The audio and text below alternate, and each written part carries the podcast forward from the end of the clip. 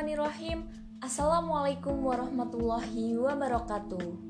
Perkenalkan saya Fitri Nur Utami, mahasiswi UIN Sunan Kalijaga Yogyakarta, Fakultas Dakwah dan Komunikasi, Prodi Komunikasi dan Penyiaran Islam. Pada kesempatan kali ini saya akan membahas mengenai hukum seorang pemimpin yang tidak amanah.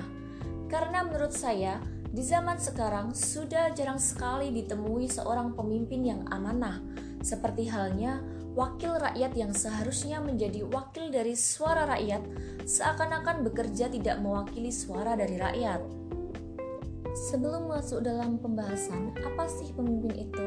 Pemimpin merupakan orang yang mempunyai tugas dan bertanggung jawab untuk memimpin bawahannya. Pemimpin itu tidak hanya dalam hal memimpin suatu negara ataupun peperangan, akan tetapi seseorang bisa dikatakan pemimpin dalam lingkup rumah tangga ataupun dalam ritual sholat. Nah, maka dari itu pemimpin juga bisa dikatakan sebagai imam. Kemudian, apakah setiap orang itu bisa menjadi seorang pemimpin? Tentu saja, setiap orang bisa menjadi seorang pemimpin, mulai dari lingkup rumah tangga sampai ke dalam lingkup negara. Namun, dalam lingkup suatu organisasi atau negara, seseorang dapat menjadi seorang pemimpin dengan cara melakukan musyawarah atau pemilihan. Dan beberapa pemimpin memang menjadi seorang pemimpin dengan atas kuasa Allah dan dari keturunan lingkup keluarga dalam suatu kerajaan. Seorang pemimpin yang amanah tentunya memiliki berbagai kriteria. Menurut saya, seorang pemimpin yang amanah harus memiliki sifat kejujuran dan bertanggung jawab akan tugasnya.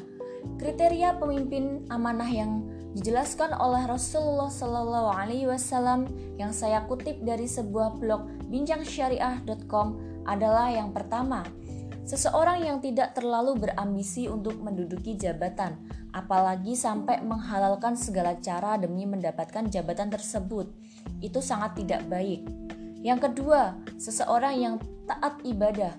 Karena orang yang taat ibadah memiliki kapabilitas dalam memimpin serta mempunyai relasi sosial yang baik dengan masyarakatnya.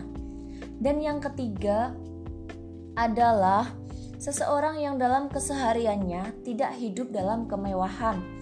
Karena pemimpin yang hidup sederhana dapat tahan terhadap godaan kemewahan duniawi.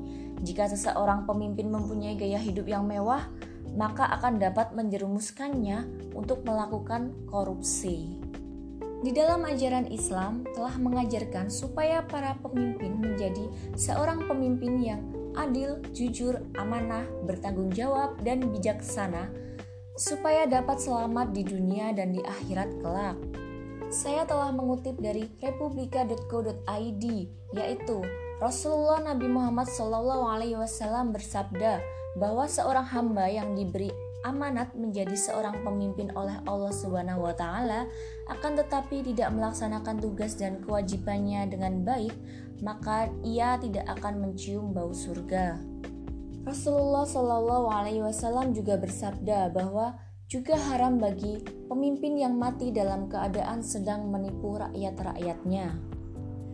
Jika kita melihat seorang pemimpin yang tidak amanah, menurut saya kita harus menegurnya, karena dalam ajaran Islam itu tegas mengatakan yang baik kepada orang baik dan mengatakan buruk kepada orang yang memang benar-benar buruk.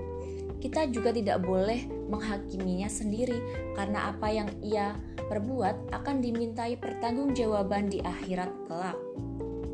Kita sebagai generasi muda, generasi penerus bangsa, semoga bisa menjadi pemimpin yang baik, pemimpin yang jujur, pemimpin yang adil, dan bertanggung jawab serta amanah. Sekian dari saya, mohon maaf apabila terdapat kesalahan. Semoga ini bisa bermanfaat. Terima kasih. Wassalamualaikum warahmatullahi wabarakatuh.